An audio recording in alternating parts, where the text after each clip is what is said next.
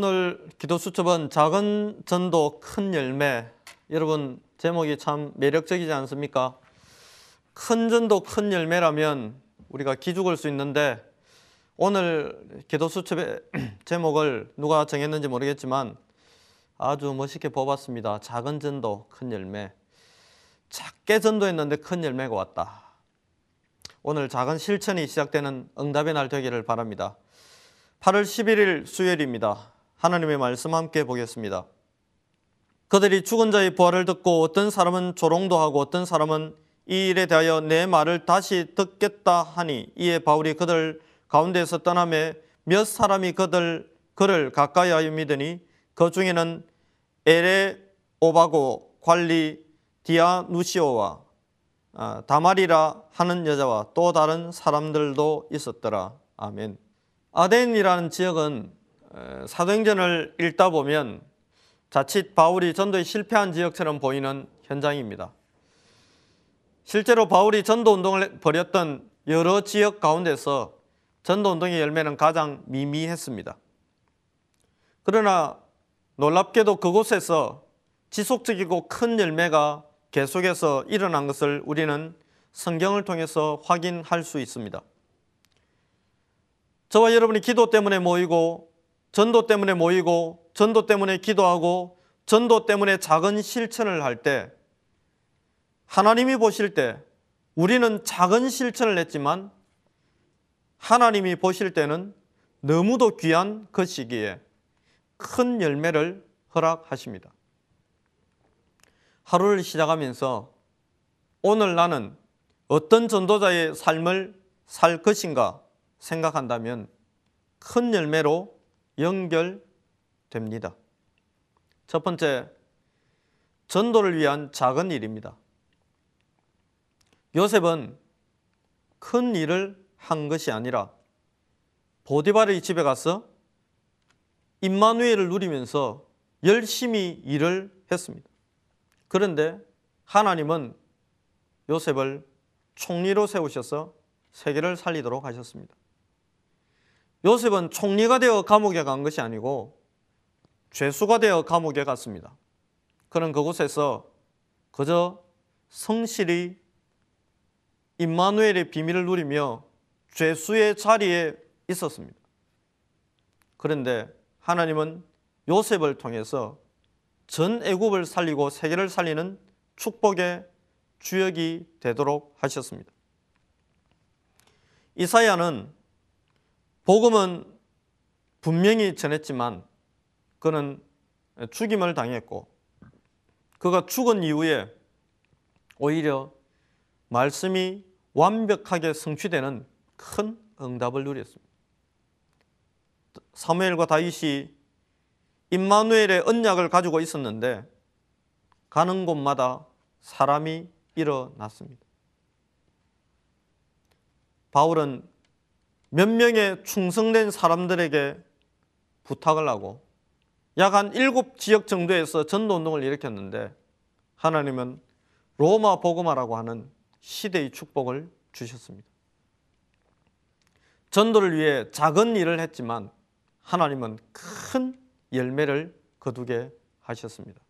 두 번째, 아덴에서의 작은 일입니다. 아덴은 우상의 도시입니다. 아덴은 각종 철학의 도시입니다. 아덴이란 말은 수호 여신 아데나 여신에서 나온 단어입니다. 우상숭배가 얼마나 활발하게 이루어졌는지를 도시의 이름에서 이미 우리는 확인할 수 있습니다. 플라톤의 이상주의와 에피쿠르스의 향락주의, 스토익의 금욕주의가 팽배했던 곳입니다.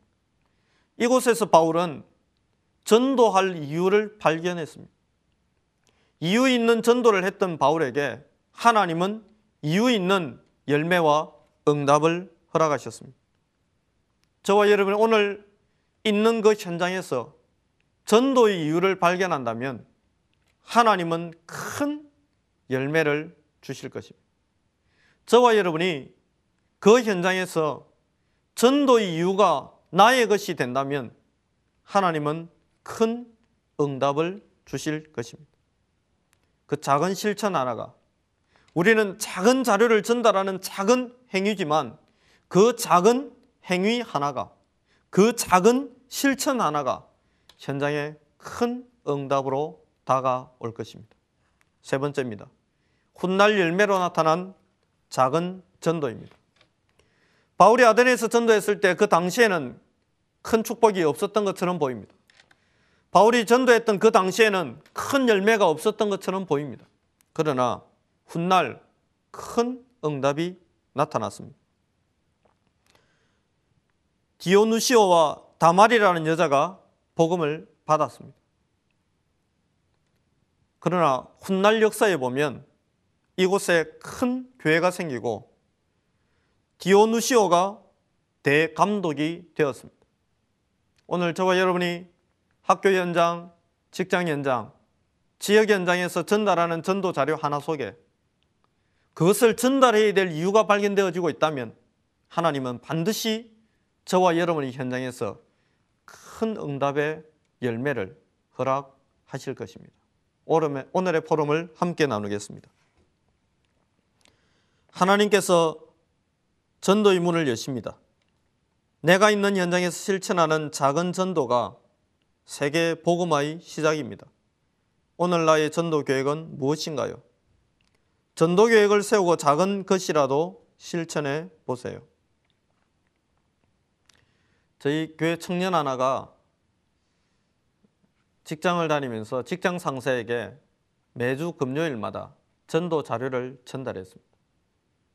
용기가 나지 않아서 주중에는 전달할 수 없고 금요일 저녁 시간 퇴근하면서 일주일 동안 설레이고 기도하고 조마조마하면서 기도했던 그 바로 자료를 전달했는데 전달받은 분이 살아나고 전달받은 분의 딸이 복음을 받는 축복을 얻었습니다. 그렇게 되면서 이 청년이 살아난 응답도 왔습니다.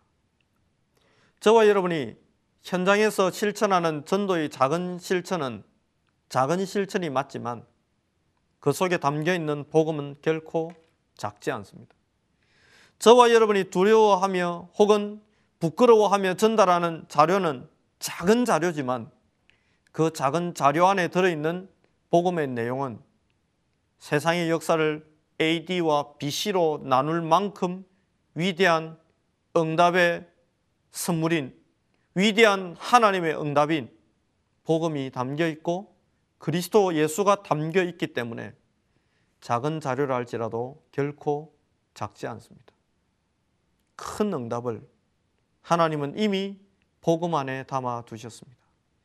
오늘 저와 여러분이 그 작은 자료지만 그 자료 속에 담겨 있는 예수 그리스도를 꼭 전달해야 될 이유를 발견하고 실천한다면 저와 여러분의 작은 몸짓 하나가 작은 실천 하나가 훗날 그 현장에 교회를 세우는 축복으로 연결될 것입니다.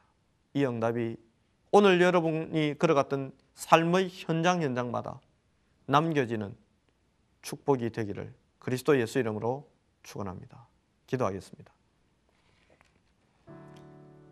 우상과 철학의 도시 아덴에서 헛되고 헛된 그 우상과 철학에 매인 아덴 사람들을 보며 전도해야 되고 복음을 전해야 될 이유를 가졌고 그 이유 따라 복음을 전했던 바울이 누렸던 축복을 오늘 사랑하는 하나님의 백성들이 누릴 수 있도록 사랑하는 다락방 모든 가족이 누릴 수 있도록 하나님께서 은혜를 주시고 현장을 보며 전도의 이유, 자료를 전달해야 될 이유, 그 현장을 가슴에 품어야 될 이유가 나의 것이 되는 응답이 있게 하옵소서.